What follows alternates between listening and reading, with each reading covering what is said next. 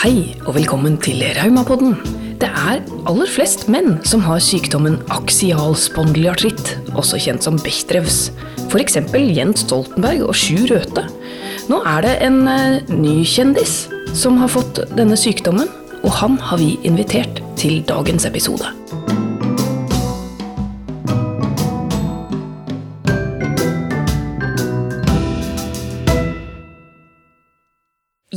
Jeg har fått en diagnose!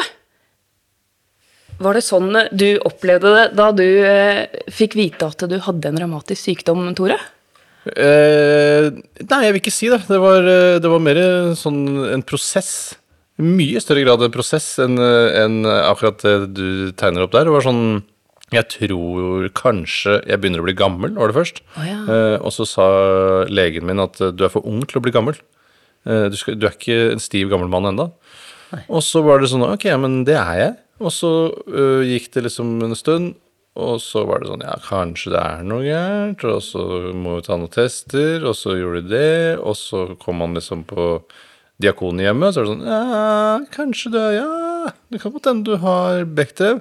Okay. Og så da til slutt, etter lang tid, så var det Jo, det var det du har. Det var det du Ja. har. Og steike, da, da må vi liksom spole tilbake og introdusere oss litt. Det, I dag skal vi snakke om sykdom, det pleier vi vel alltid. Eh, Jeg er eh, Anna Frykselius, og her i studio har jeg Sagen, Joakim Sagen her. Og eh, med oss som dagens spennende gjest har vi Tore Sagen. Joakim Sagen, er det Ja, sant? ja, det er sant. du heter. Det er Sagen og Sagen. Tenk hvis jeg er i slekt. Ja, det kan Du har samme sykdom, og så er det sannsynlig at det er noen genetiske forbindelser der. Mest sannsynlig er det noe med navnet å gjøre, ja. Det kan ja, Jeg syns dere ligner litt. Jeg jeg har litt sånn skjegg og greier. Ja. Steike. Ja, vi har fått med oss Tore Sagen, fra, eh, også kjent fra mange forskjellige programmer, men kanskje mest kjent fra en av Norges aller, aller, aller beste podkaster. Ikke at vi skal prøve å konkurrere. Radioresepsjonen. Så du er ikke uvant til å snakke podkast Nei, jeg er jo egentlig ikke det. Eh, Men jeg er veldig uvant til å snakke podkast akkurat med dette temaet. med dette temaet. Jeg snakka litt om det, faktisk, men eh, ikke med så seriøse folk som dere. For dere snakker ikke mye om sykdom i Radioresepsjonen. Men det var jo der vi hørte om det, da. Ja, det var, det har- jeg følte at det liksom var eh, siste nytt, så jeg måtte fortelle om det i Radioresepsjonen, Noe det skal være litt personlig. Så nå har jeg jo blitt han fyren. Du er blitt han fyren. Ja. Hva, hva, hvilken, han sjuke fyren, eller han som snakker om sykdom? Nei, sjuke fyren er en annen, først og fremst. Å. Det er Bjarte som er den sjuke fyren, for han lider altså mange ting. Eh, Men så kommer jeg da på en god nummer to. Ja, apropos det, jeg lurte på altså, Tenker du at du er en revmatiker nå, eller at du bare er gode, gamle Toremann, men med en eh, revmatisk sykdom på si, som du må beherske? Jeg føler at jeg er god gamle Toremann. Eh, kanskje helt til jeg får det medlemsblad. Uh, Ja. Revmatikeren i posten. Da føler jeg at da er det formalisert. Ja, men men eh, nei, jeg, i og med at det liksom ikke er en sånn derre For det første syns det jo veldig lite på utsiden. Ja. Eh, så da, sånn sett så føler jeg meg ikke som en, som en ekte revmatiker. Nei, men vi kaller det jo den usynlige sykdommen, egentlig. Å, ja, da. Ja. Hvem er det egentlig som føler seg som en ekte dramatiker? Men også, jeg syns jo det var veldig spennende det, på, For noen uker siden i Radioresepsjonen så sa du det at du har fått det eneste du ønsker deg til jul. Og det var å bli invitert hit til Raumapodden. Det- Da, da, tror du vi feira da, eller? Da da spratt det champagne igjen, ja. Ja, ja, ja, det var omtrent det. Fordi jeg mener, vi jobber med revmatisk sykdom og folk med revmatisk sykdom, og det er mange forskjellige diagnoser. Men det er veldig mye som går igjen, akkurat det, det er usynlig. ja. Ja. Det er jo én million nordmenn som har en eller annen form for muskel- og skjelettplage, og så er det 300 000 som har fått en diagnose. Da. For mange er det veldig viktig å få en diagnose eh, tidligst mulig, for da kan man starte riktig behandling. Men så er det jo eh, helt individuelt eh, hvordan man blir rammet av de 300 000. Da. Ikke sant? Noen kan være sengeliggende, og så har vi jo olympiske mestere. ja. Eh, hvor i sjiktet her føler du at du eh, ligger? Sted mellom olympisk mester og sengeliggende. Ja, så du er akkurat som vanlig. Ja. Det er, så, det, det er så merkelig, det der svinger så mye. Ja. Det kommer jo an på litt eh, hvor mange år man har vært syk også. Nå er jeg 25 år her, og du har Jeg har mistet tellingen, altså, men nå er jeg 34 og fikk eh, da jeg var syv år. Og da Ja. sa legen til meg at du er for gammel til, nei, du er for ung til å være gammel. Ja, han sa det. Han Det er sa det du sier. Ja. Ja, det sier jeg.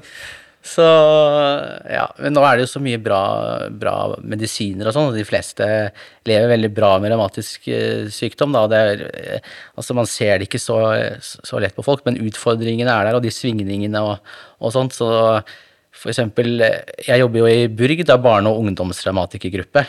Eh, og det er sånn at man f.eks. for eksempel kan spille fotball eh, på kvelden, Eh, og så er man så syk at man ikke orker å delta på skolen på morgenen dagen etterpå. Ja. Og da er det jo det å få forståelse fra lærere og, og sånn rundt, da. Ja. ja. Men hvor mange år eh, tror du du har hatt sykdommen hvis du liksom, det tok tid å få diagnosen? Men har du hatt de symptomene i flere år før? Ja, altså Da jeg begynte å bli stiv og trodde at jeg var gammel, det var kanskje da to år, ja, halvannet år før jeg fikk diagnose. Uh, og da var det bare sånn der Jævla stiv, da. Og så liksom gjøre noen tøyeøvelser når jeg sto opp om morgenen. Sånn. Mm. Og så glemmer man det jo utover dagen så lenge man uh, holder seg litt uh, i bevegelse. Og så pågikk det en stund, og så ble det ikke så veldig mye verre heller. Men så kom det liksom en ny sånn Så klatra liksom sykdommen på nytt. Det tok liksom et lite skippertak. Mm. og da var det sånn derre Jævla vanskelig å komme seg ut av senga, da. Ja. og utrolig vanskelig å ta på seg sokker. og det absolutt vanskeligste sette seg inn i bilen. Åh, steike. For da må man liksom klemme hodet inn så det er sånn, Man klemmer seg inn eh, Klemmer seg inn i bilen, sånn, kler på seg bilen. Ja. Oi, oi, oi. Ja, eh, kjøre liten bil. Farlig, farlig. Men eh, det, det, kjennes kanskje sånn. Men da har du hatt flaks også, for det er ganske mange, spesielt med Bechdrev, som går i mange, mange mange år før de får en diagnose. Hell i uhellet, kan man si. Ja, det er litt flak, flaks, faktisk. For mm. da kan man jo begynne med behandling. Så det der å bare bite tenna sammen og tenke ja, men dette går over, og det er bare jeg må spise litt sunnere og trene litt mer. Så, så er det litt sånne faser. da, Nå har vi tegna opp de klassiske fasene i eh, det å få en sykdom. Se her, her får du fasiten.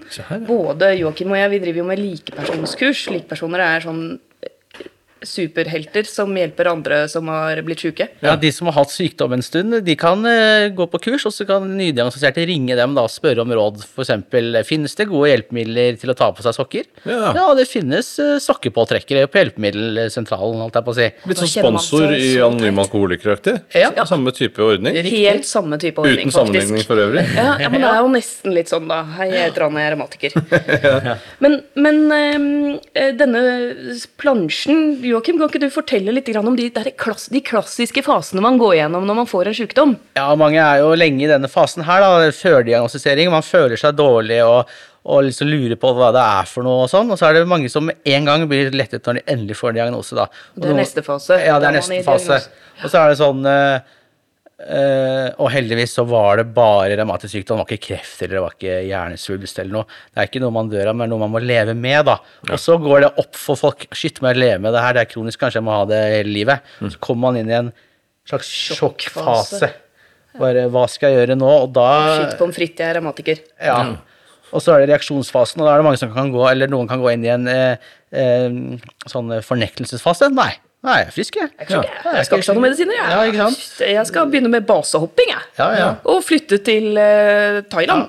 Jeg var jo i den fornektelsesfasen fra jeg var 7 til jeg var 17 år. Jeg skulle fortsatt eh, på landslaget i fotball eh, på sommeren og på landslaget Eh, på ski på vinteren. Ja. Eh, men da to landslag? Veldig... ja, ja. Skikkelig talent, da. Ja, ja, Hvis man er i denne fornektelsesfasen for lenge, da, så er plutselig alle andre dumme ikke sant, som gjør feil, og, sånn, og så kommer man inn i en slags sånn offerrolle, da.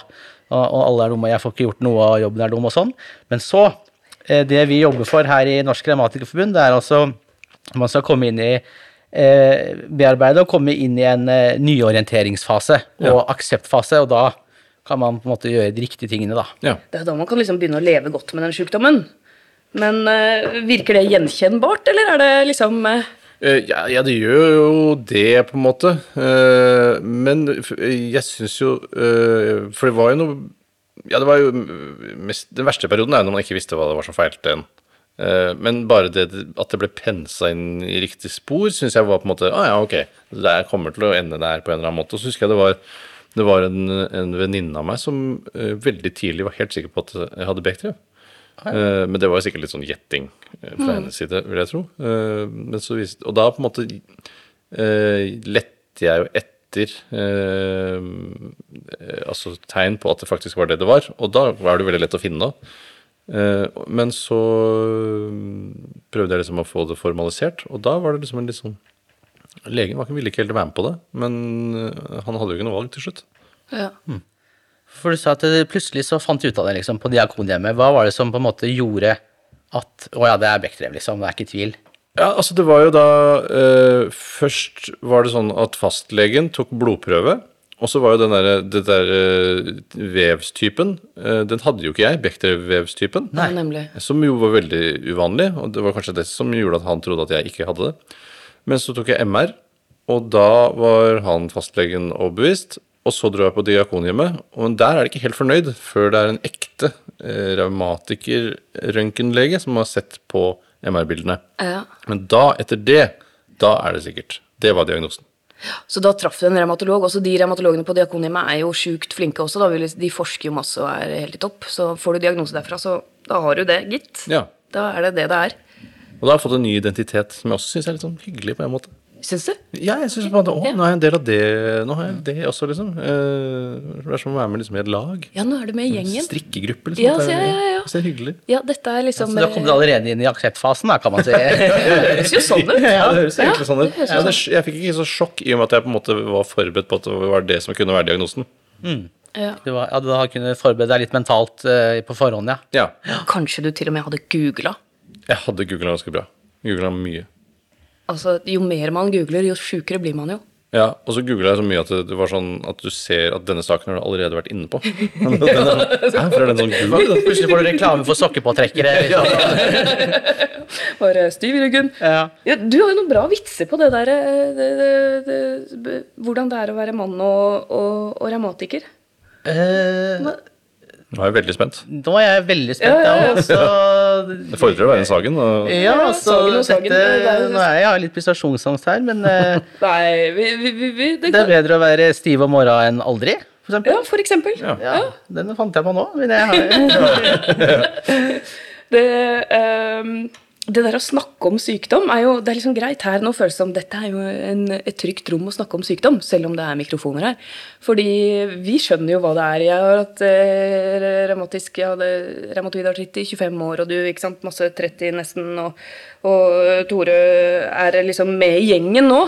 Men å snakke med sykdom som ikke har det, hva, hva syns du om det? Liksom med vanlige folk, holdt jeg på å si. Folk du møter, og familie og kjente. og... Jeg er jo litt sånn lukket fyr sånn sett, og tenker at de ikke er interessert i å høre om det. så Derfor lar jeg være å ta det opp. Ja. Men så kan jeg snakke med noen av folk jeg vet på en måte er generelt interessert i ting her i verden.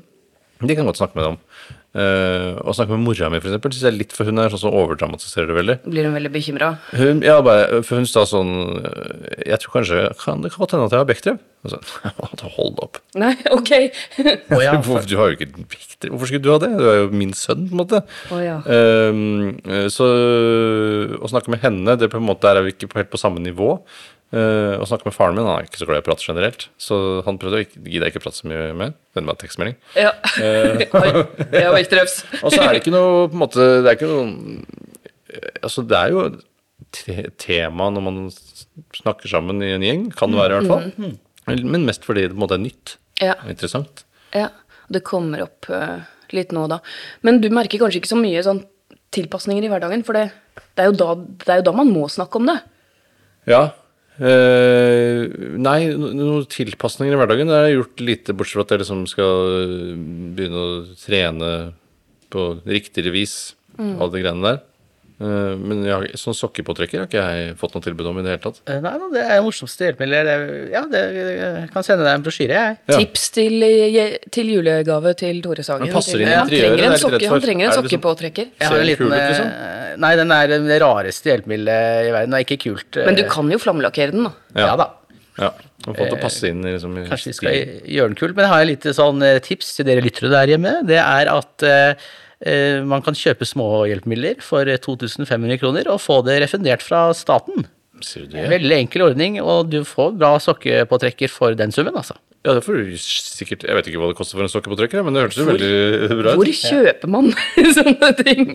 Men bil, ikke sant? det blir jo litt grann dyrere når det er bare sånn derre Jeg klarer ikke sette meg inn i bilen. Jeg må ha en ny bil. Ja. Det er liksom ikke Og ha en lav. Ferrari, liksom. Ja, Nei, du må slutte å ha en lav Ferrari. Ja, for jeg har en ganske vanlig bil, og så, syns jeg det var, akkurat å sette seg inn i bilen utrolig krevende. Dritvanskelig. Ja, det er det.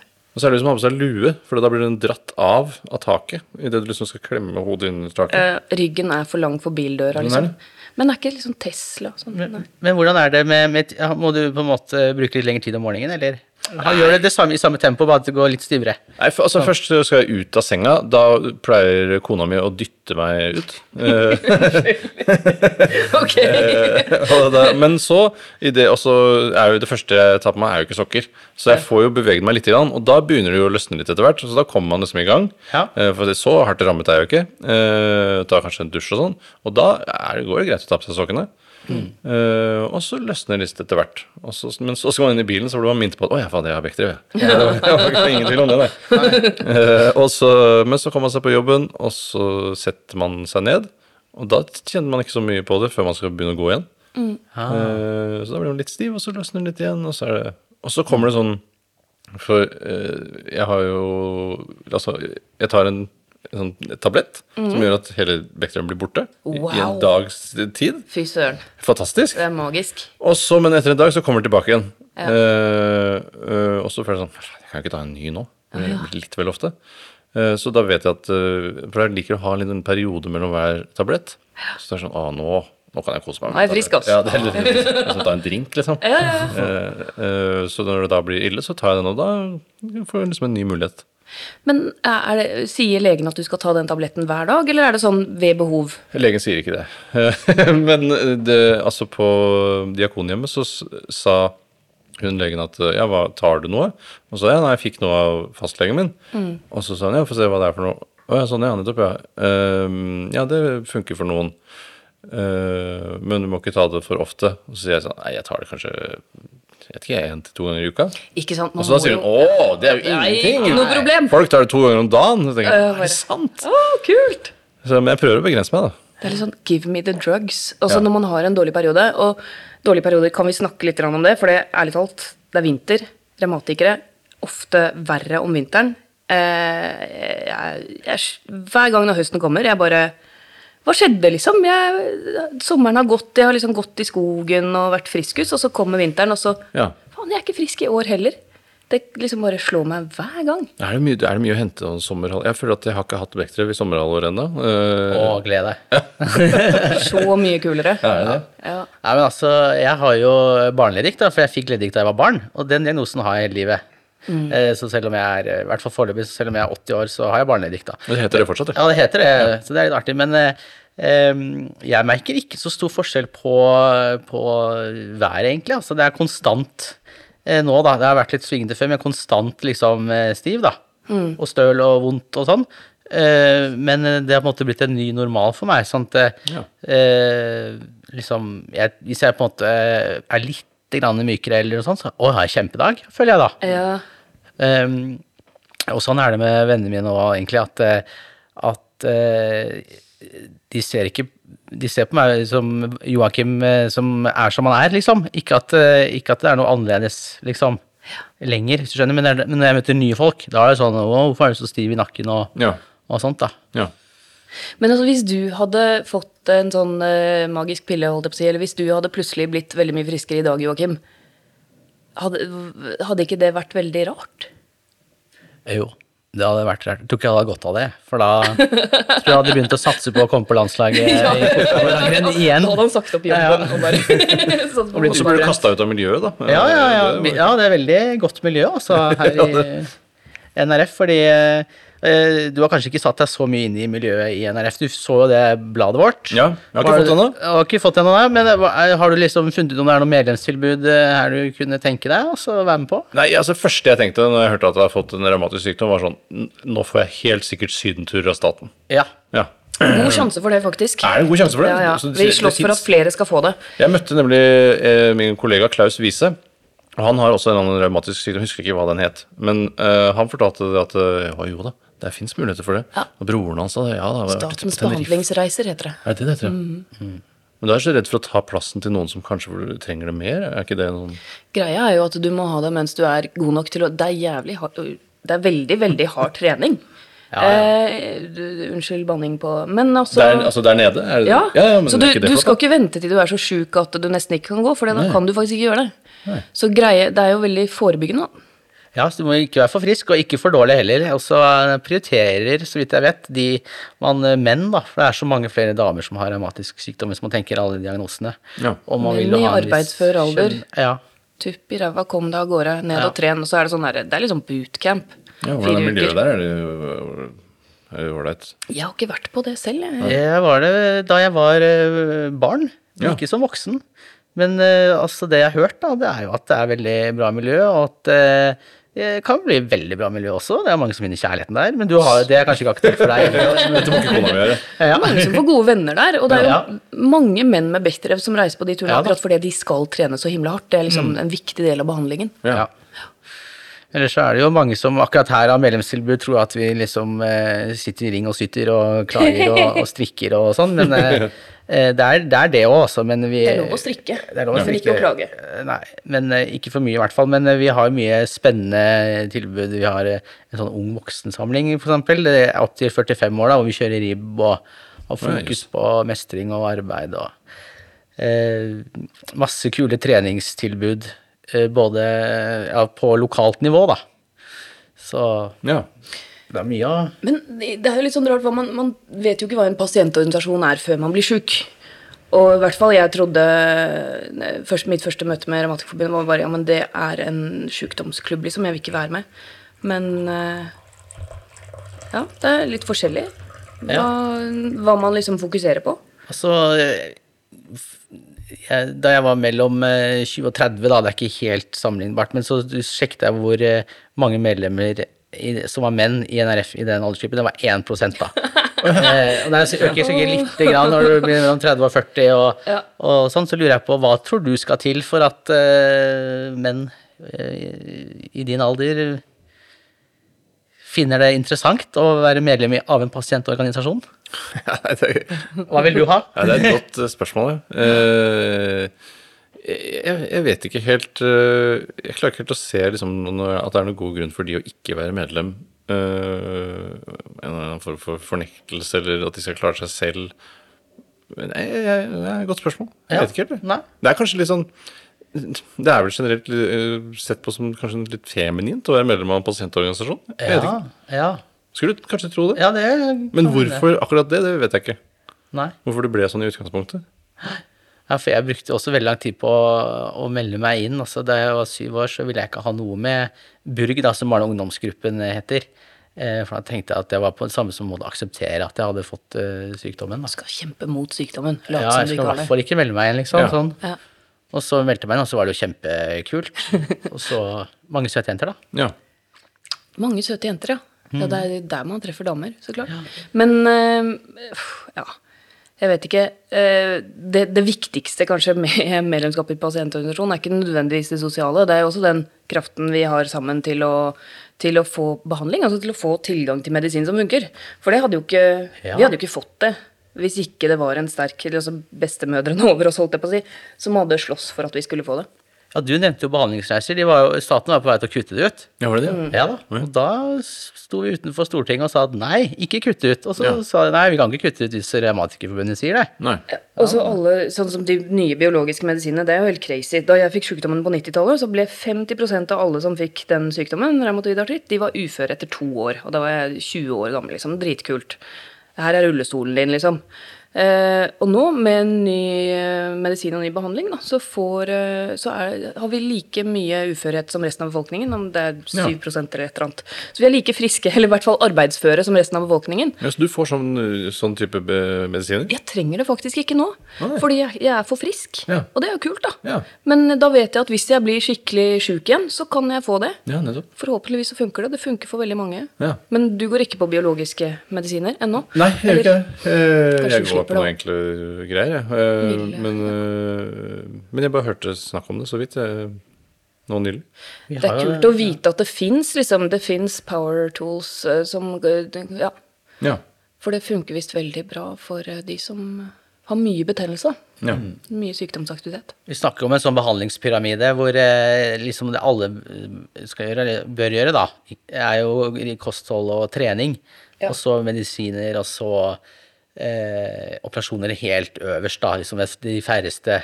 Eh, men eh, hvordan liker du å trene og sånn? Du sa at du måtte trene riktig, og er det, er du, har du, liker du det, liksom? Ja, jeg er jo egentlig en, en, en løpefyr. Du er løpefyr, ja. ja eh, så jeg løper eh, mye. Mm. Og det hjelper ganske bra, det, altså. Jeg lurer på om det kanskje holdt det litt i sjakk, at det er derfor det tok litt tid før det, det slo ut. Um, men så tenkte jeg at jeg skulle begynne å svømme, for det var eh, liksom raumatikerens hovedgren, paradegren. Ja. Kanskje?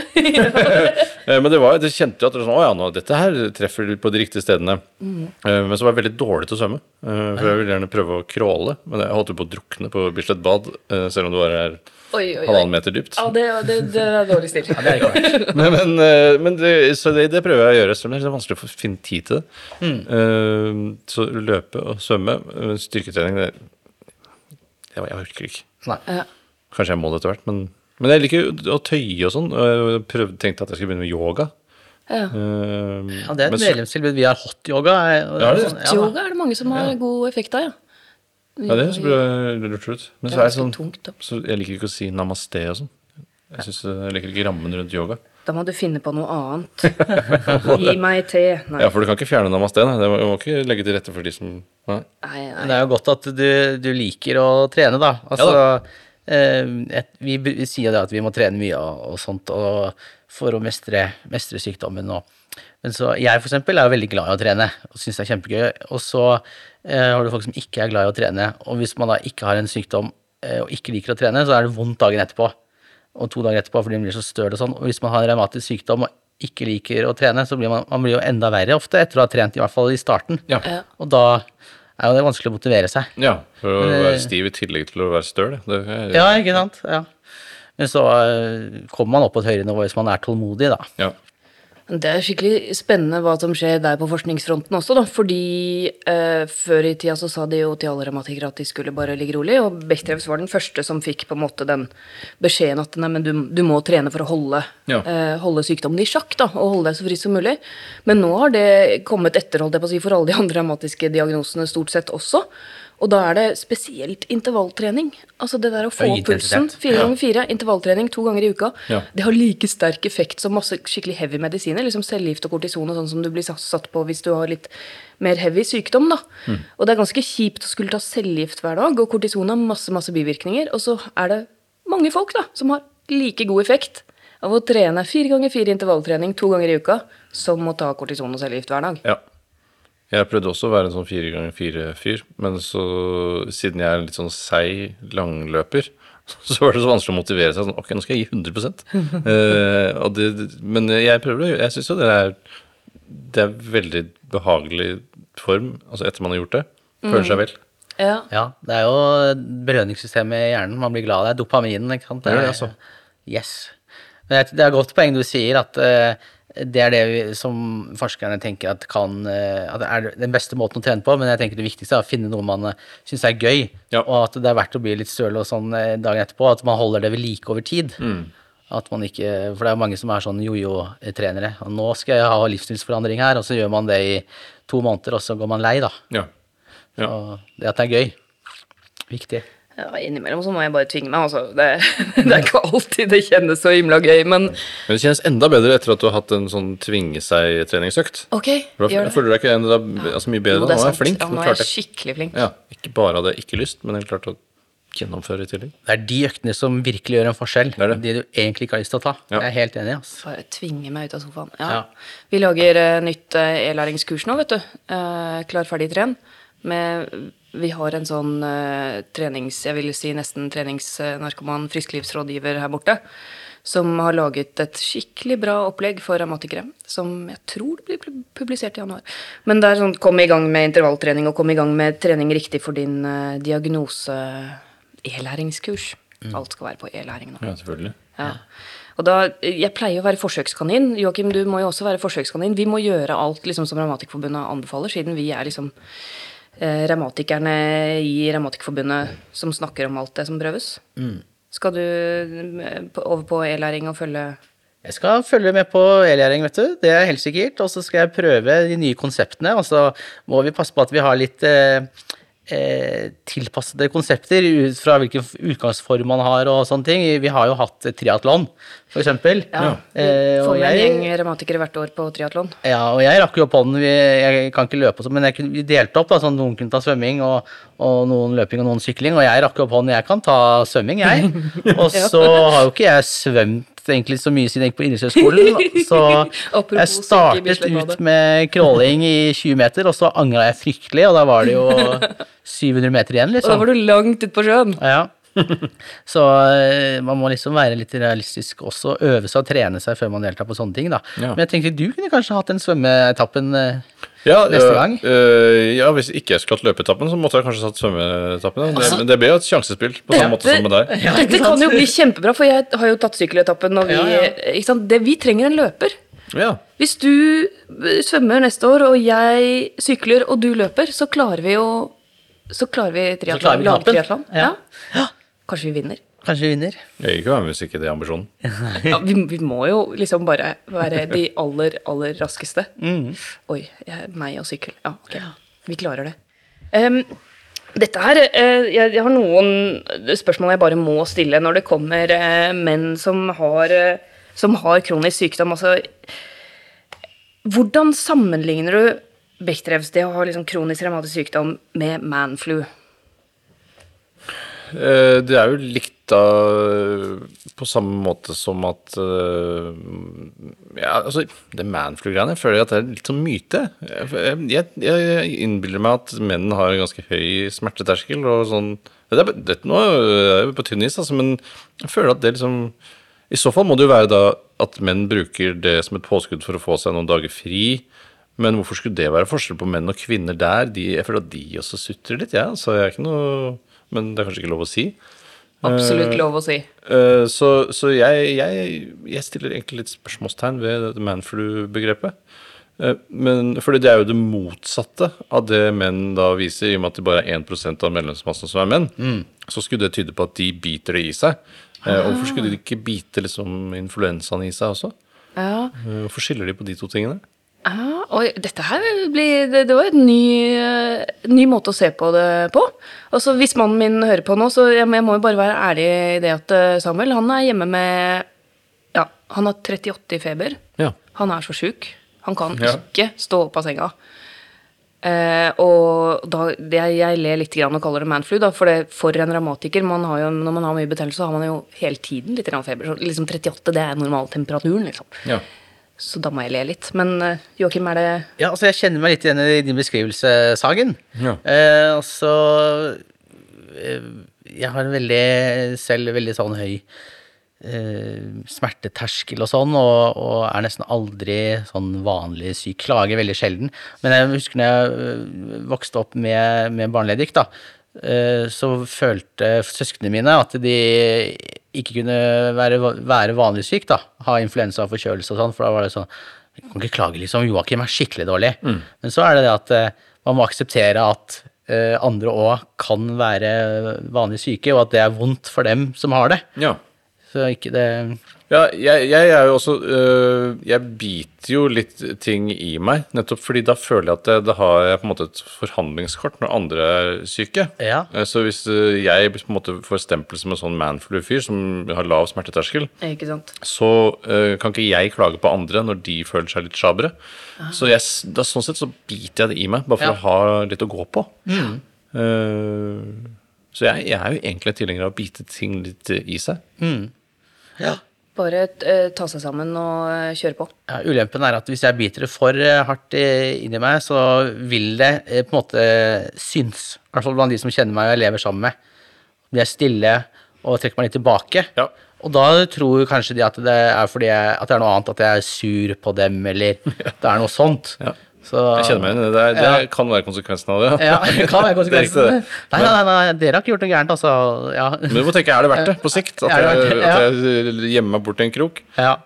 Men eh, de har lært såpass nå at de skjønner det, altså. Ja. Ja. Det er vel lurt å kunne si fra at eh, i dag har jeg en dårlig dag. Ja. Bare rett og slett eh, være ærlig med det. Jeg bruker den der skalaen, jeg, med, med familien og nære venner.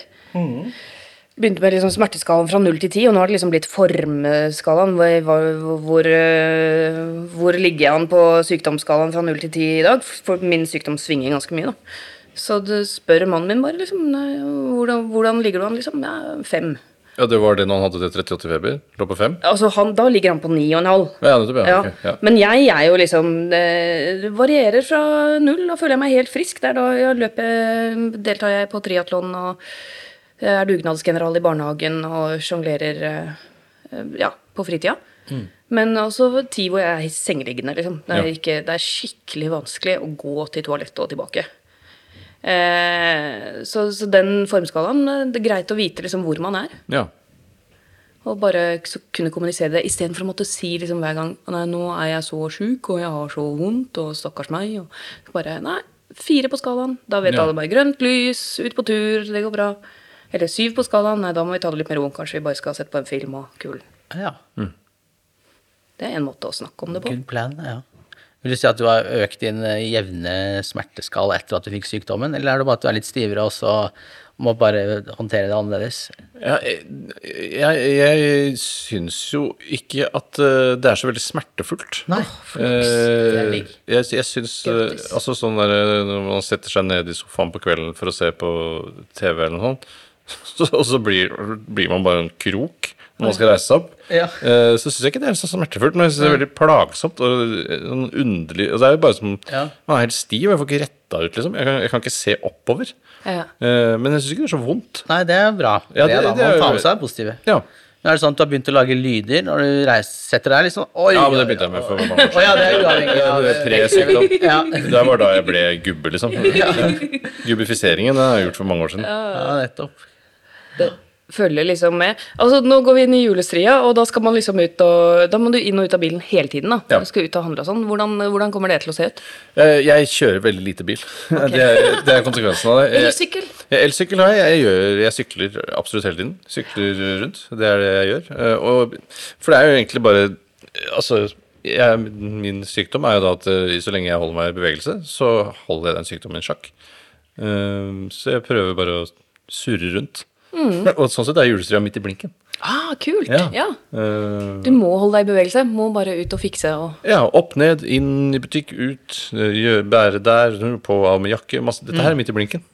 Fantastisk. Ja. Burde egentlig ha litt sånn julestri hele tida. Ja. Kanskje Ja. det kan bli en sånn medlemsaktivitet man kan ha i NRF? At man hele året kan melde seg på julestria? Det er mitt e-lærings, Tores e-læringskurs for Yes. julestrimetoden. julestri-metoden. Dritkult! Da vet vi hvordan vi- Måned for måned. Ja.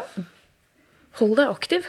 Eh, ja, eh, da tror jeg at eh, ja, at vi skal gå litt inn på dette med hva du vet om, eh, hva du vet om vekter. Har du lært Ja. om sykdommen? Ja. Ja, ja, Viktig spørsmål. Jeg er bare selvlært. Bare, Og det er bare Google. Ja. Bare Google. Mr. Google. Og så da det lille som de fortalte meg på Diakonhjemmet, det følte jeg var det samme som jeg hadde lest på Google. Ja. Sånn sett var, det, var Google leverte veldig bra. Ja, det var bra, da.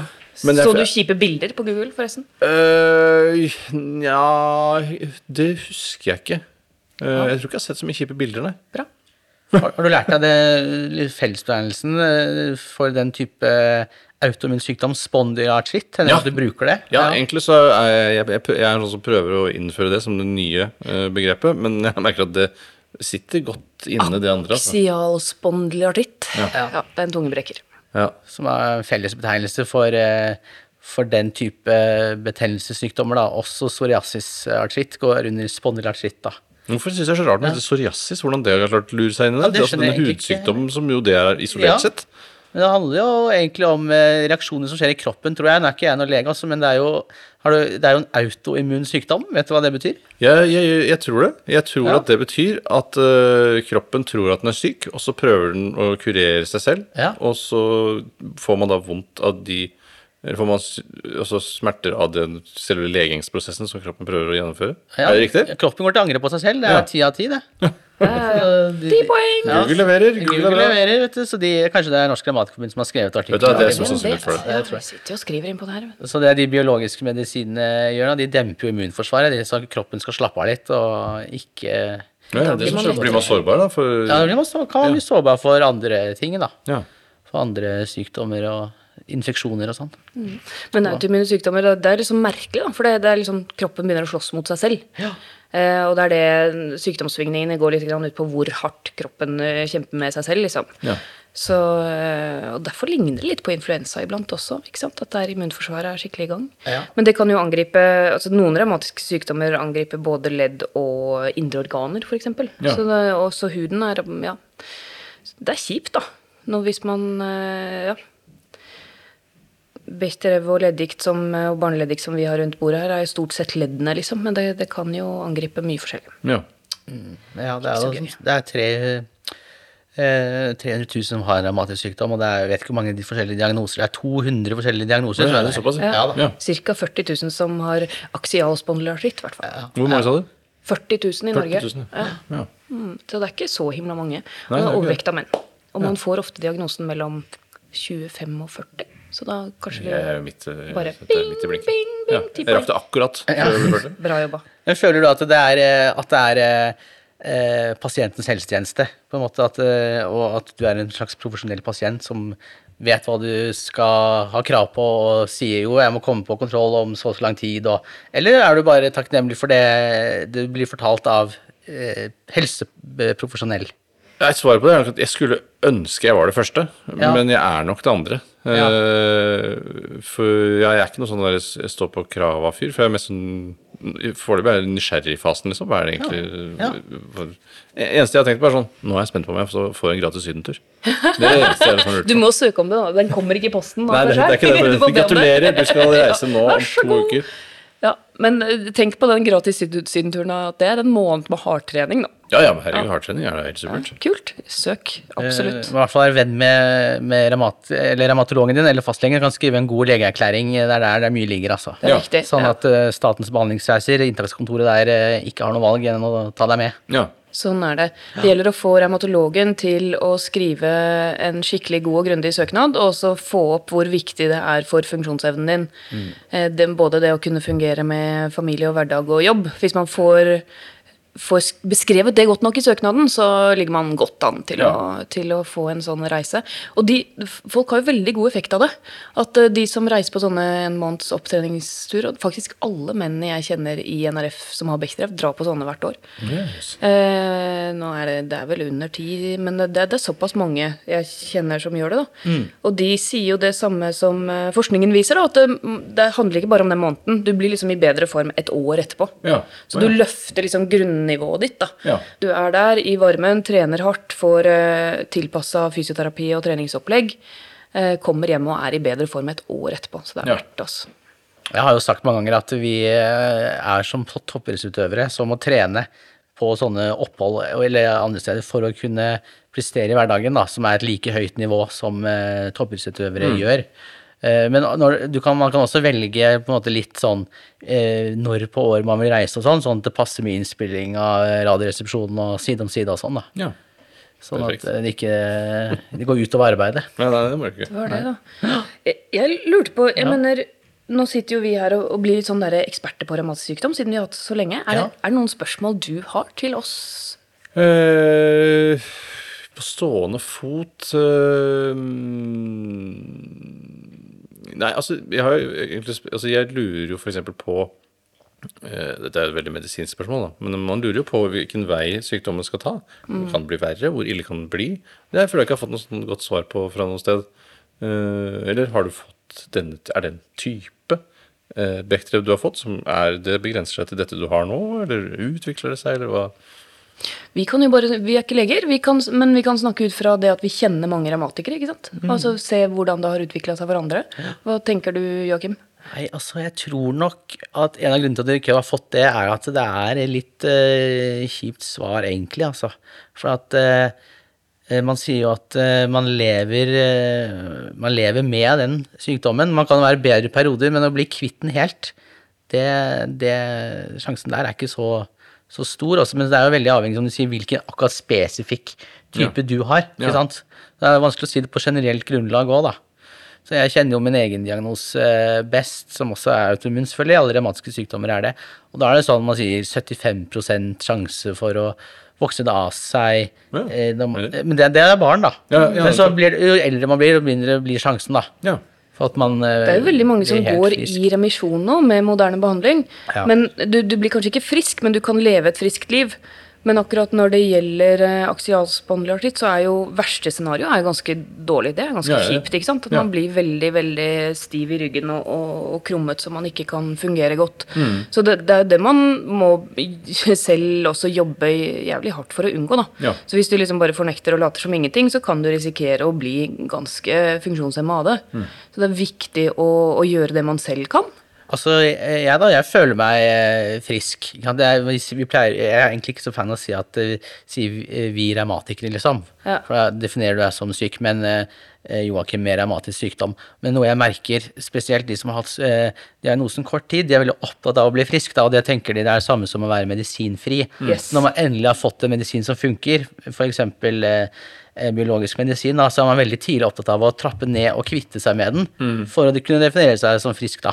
Og så ender det bare med at man får tilbakefall og blir verre. Og sykdommen og blir enda Ja, sterkere. ja. så. Det er lurt å følge behandlingen og bygge opp sitt eget liksom, sånn der mestringsarsenal. For det, eh, prognosen er vel også mange er, mange er sykest de første årene. Ikke sant? For det er, det er før man har behandling som funker, og det er før man har selv liksom begynt å trene og mestre, og kanskje også gjøre kostholdsendringer og alt mulig rart som kan hjelpe. Det er litt sånn der puslespill man finner ut av sjøl. Men i den tida jeg har vært i NRF og hatt revmatsykdom selv, så ser jeg at veldig ofte de første to-tre årene så er folk sjukest, liksom. Og så begynner de å gjøre ting og få behandling og sånn, så, så kan mange ha nesten helt friske liv. Hvis man har flaks. Og så er det jo noen prosent, dessverre, da, som ikke responderer på medisiner og da har skikkelig uflaks og blir, eh, ja, blir ganske sjuke. Men eh, får håpe du er i den eh, 97 som kan bli ganske frisk. At jeg har det sjukeste lagt bak meg. så- Ja, det kan godt hende, det, altså. Men eh, bare ikke sett deg på sofaen og drit i treningen for det. det. Nei, jeg, jeg er veldig glad i å, å bruke det at jeg faktisk har en ekte kronisk sykdom, Oh, yes. for alt det er verdt, eh, på hjemmebane f.eks. Ja. Eh, Støvsuging, helt feil. Ja, ikke sant? ja, det er feil stilling. Du blir da på ryggen akkurat litt feil. Ja, ja. nei, eh, så jeg, jeg prøver på en måte ikke å si det ut, men jeg bare viser Oi, oi sann! ja, ikke sant? De Ja. lydene igjen. Ja, ja. Ja. Du risikerer jo å få alt ansvar for matlagning, da. Ja. For du bør jo egentlig spise litt sånn sunt, betennelsesvennlig kost og sånn. ja. Men, jeg- men jeg, er glad i å lage mat, så det, passer meg bra, det. Så bra. Bytte støvsuging mot uh, matlagring. Jeg synes det er vanskelig å forklare overfor barna. De synes, uh, altså, siden de tenker sånn En sykdom, det er å ha feber, liksom. Ja. Hoste. Ja. Uh, men sier nei, det, jeg, jeg, jeg jeg stiv i ryggen, skjønner du. Og så sier de ja, får ikke noe medynk i det hele tatt. Nei. Men kanskje når du blir eldre, at du forstår det da. Ja, kanskje. Jeg forventer å få litt tilbake av de. Ja, de må jo jobbe litt hardere, liksom. Nei, de må det. De må ta i litt Ja. for å kompensere. Men samtidig føler jeg ikke at de er sånn idet de begynner å si sånn Faren min er sjuk. Ikke sant? Så Ja. det. ikke ta roene litt, grann, trenger du å si. Ja. Og kanskje prøve Man vil prøve å unngå den derre ja, 'pappa har vondt i ryggen', eller eh, ja. Nei, det er ikke lett det der å snakke med barna. Litt sånn avhengig av alder. Prøve å forklare det. Jeg har en seksåring og en fireåring hjemme, og det Ja, jeg vet ikke. Det, ja. Det er ikke så lett å få de til å forstå. Nei. Men eh, ut i julestria skal vi vel nå eh, uansett, hele gjengen. Så eh, jeg tror vi skal si tusen takk for at du kom hit i dag, Tore. Veldig hyggelig å være her. Koselig. Takk for Ja. at du syns det. Altså. Kjempehyggelig å ha deg her. Altså. Det er veldig bra. Gøy å treffe nye, nye folk i gjengen. Ja. Ja, vi blir, eh, vi, vi blir flere, dessverre. Vi blir stadig flere. ja, Ja, men vi blir friskere også. Ikke sant? Ja, vi blir flere, og vi blir friskere. Så da satser vi på et friskt nytt år, alle sammen. Ja. Det gjør vi. Yes.